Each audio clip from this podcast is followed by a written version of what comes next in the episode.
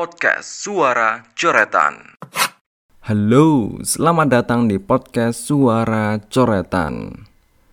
Kali ini aku akan membacakan cerpen lamaku, judulnya Sweater Coklat. Kenapa aku bacain lagi cerpen lamaku? Ya, karena lagi-lagi aku nggak pengen cerpen ini hilang dari podcastku. Jadi cerpen ini mengisahkan tokoh utama yang bernama Ari yang masih belum sembuh dari masa lalunya. Oke lah, nggak usah lama-lama, langsung aja ke cerita. Jadi, selamat mendengarkan. Edwin, Bagas, Chandra, dan Diki seketika berhenti ngobrol ketika melihat Ari yang baru datang dan bergabung di antara mereka. Siapa nih kayak kenal? Ucap Edwin dengan lirikan sinis. Jangan gitulah, kita harus sambut kedatangan Ari. Udah lama dia nggak bisa gabung bareng kita, kata Bagas. Gini deh, untuk merayakan Ari yang udah bisa kumpul bareng kita lagi, kalian bisa pesen apa aja. Nanti aku yang bayar. Ya nggak, Ri? Kata Diki yang tangan kanannya merangkul Ari.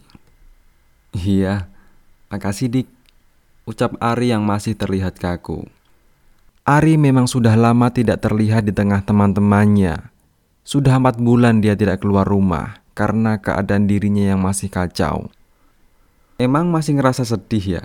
Tanya Edwin ke Ari. Bagas langsung menoyor kepala Edwin. Jangan dibahas dulu goblok. Emang nih si Edwin mulutnya nggak pernah disekolahin, sahut Chandra.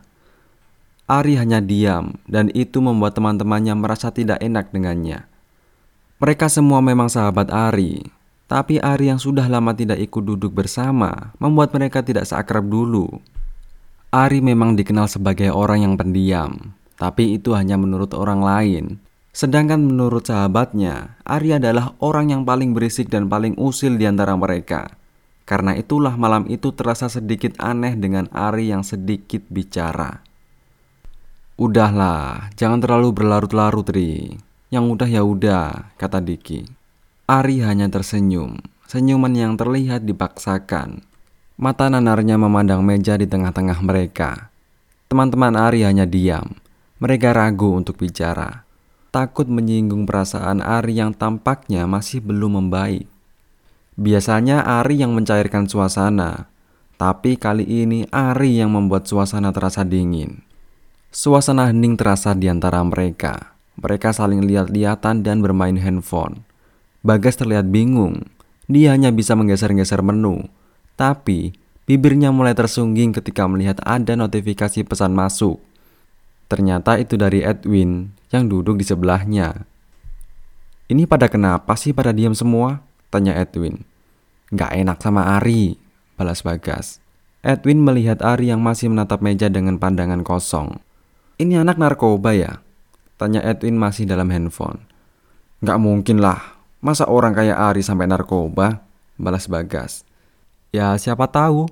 Dia kan pro legalisasi ganja, kata Edwin. Enggak lah. Aku kenal Ari dari SD. Gak mungkin dia kayak gitu. Balas Bagas. Ari yang aneh. Ari yang baru datang dan langsung melamun dengan penampilan yang tidak seperti biasanya. Ari yang biasanya memakai celana pendek dan kaos band, sekarang dia terlihat tidak peduli dengan penampilannya. Dia hanya memakai celana olahraga dan jersey futsal. Bagas mulai memikirkan perkataan Edwin. Orang yang sedang kacau seperti ini memang sangat rentan narkoba. Tiba-tiba Ari tersadar dari lamunannya. Matanya memandang ke arah seorang perempuan yang baru datang.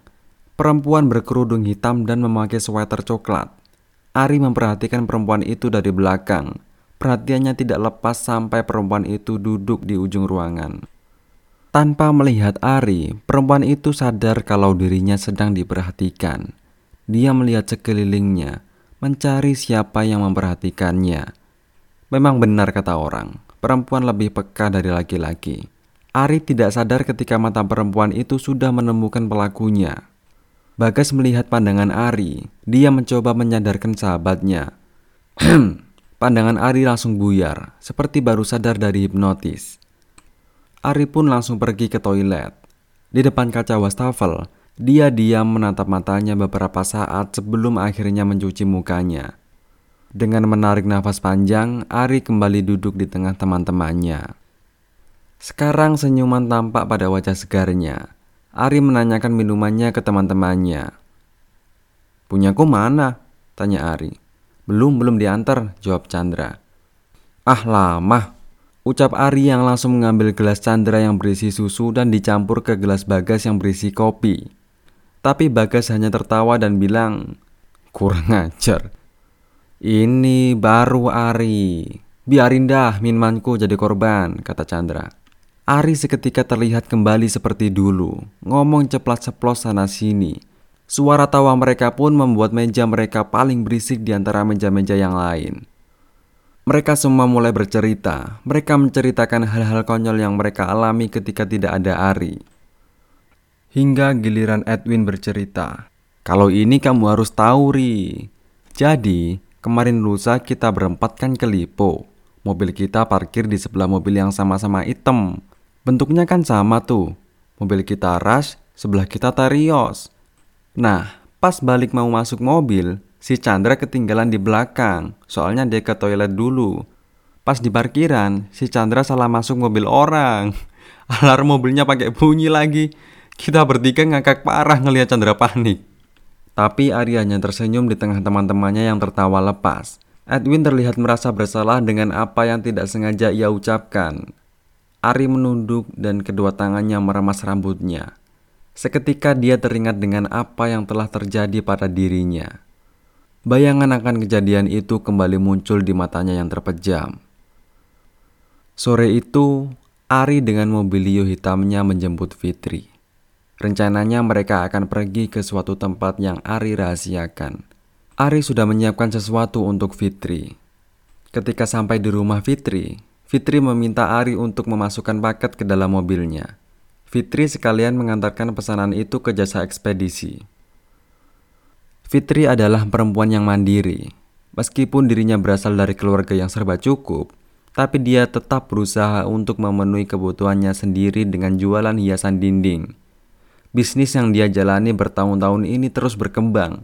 Dia banyak menerima pesanan dari toko-toko furniture yang ada di luar kota. Semua itu juga berkat usaha Ari yang membantu mengelola bisnisnya. Ari juga selalu mengantarkan Fitri mengirim pesanannya langsung ke luar kota. Terasa sangat menyenangkan, tiap minggu bisa pergi bersama. Apalagi ketika di tengah perjalanan, Fitri yang tertidur pulas membuat Ari sangat menyayangi perempuan yang ada di sampingnya itu. Kali ini paket itu tidak mereka kirimkan langsung, tapi lewat jasa ekspedisi. Karena Ari akan mengajak Fitri ke tempat yang spesial dan rahasia. Rencana ini sudah dia siapkan dari jauh hari. Semua barang sudah masuk bagasi. Ari dan Fitri pun masuk ke mobil. Ketika Ari menyalakan mobil, tangan Fitri menggenggam tangan Ari yang menurunkan rem parkir. "Kamu kenapa?" tanya Ari. Gak tahu, akhir-akhir ini aku sering rasa khawatir sama kamu. Aku sering cemas, tapi gak tahu kenapa, jawab Fitri. Aku gak apa-apa kok, aku baik-baik aja. Udahlah, gak perlu dipikirin. Itu cuma perasaan kamu. Aku kan di sini di samping kamu. Jawab Ari sambil mengusap kepala Fitri. Iya, jawab Fitri berusaha menenangkan diri. Mereka pun berangkat mengantarkan paket ke tempat jasa ekspedisi. Namun, di tengah perjalanan, malah Ari yang memikirkan sesuatu. Ari kepikiran apa yang diucapkan Fitri tadi. Dia berulang kali menoleh melihat Fitri. Kenapa? Tanya Fitri yang merasa diperhatikan. Enggak, kamu kelihatan cantik aja pakai sweater coklat yang aku beliin. Enggak salah aku beliin sweater ini, jawab Ari. Iyalah, aku selalu cantik pakai apa aja, kata Fitri. Idih, Untung mobil ini gak ada sunroofnya. Kalau ada pasti kamu udah langsung terbang. Kata Ari yang berhasil membuat Fitri sedikit lebih tenang. Fitri sudah tidak terlihat cemas, tapi Ari masih memikirkan apa yang dikatakan Fitri. Sekarang Ari yang mencemaskan Fitri. Perasaan itu seolah-olah berpindah kepada dirinya. Eh, eh, itu kelewat, ucap Fitri. Oh, yang ini. Aku kira yang di depan situ kata Ari yang menghentikan mobilnya dan mundur. Mobil Ari berhenti di sisi kanan jalan satu arah. Mobil itu terparkir di depan jasa ekspedisi yang ada di ujung tikungan kanan jalan. Udah, aku aja. Udah ada alamatnya kan? Kata Ari melepas sabuk pengamannya. Iya, udah, udah semua, ucap Fitri. Ari pun keluar dari mobil dan menurunkan paket-paket itu. Fitri melihat Ari mundar-mandir menurunkan paket dari mobil ke dalam tempat itu. Udah, tanya Fitri menengok ke belakang bagasi. Itu tinggal dikit lagi, Tolong sekalian bawain, kata Ari.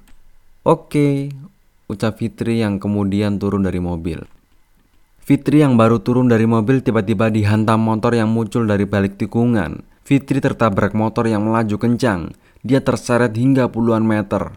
Ari terkejut mendengar suara itu, suara tabrakan dan teriakan Fitri. Dia langsung melihat ke belakang. Dia melihat Fitri tergeletak jauh di depan mobilnya.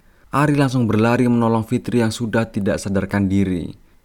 Darah Fitri terus keluar membasahi sweater coklat itu. Ari langsung membawa Fitri ke rumah sakit dengan mobilnya. Di depan ruang UGD, Ari terlihat kebingungan. Dia mondar-mandir, pikirannya masih belum siap dengan apa yang terjadi. Di antara kaca buram itu, Ari melihat seluruh tubuh Fitri sudah tertutup kain putih. Dia langsung masuk ke ruangan itu. Maaf mas, itu tadi sudah meninggal sebelum sampai sini. Masnya yang tabah ya, kata perawat. Ari tidak bisa merasakan apa-apa. Dia terlihat linglung. Dia belum menyadari dengan apa yang sudah terjadi. Matanya juga sama sekali tidak terlihat basah. Rasa kehilangan dan penyesalan itu menyerangnya setelah pemakaman Fitri.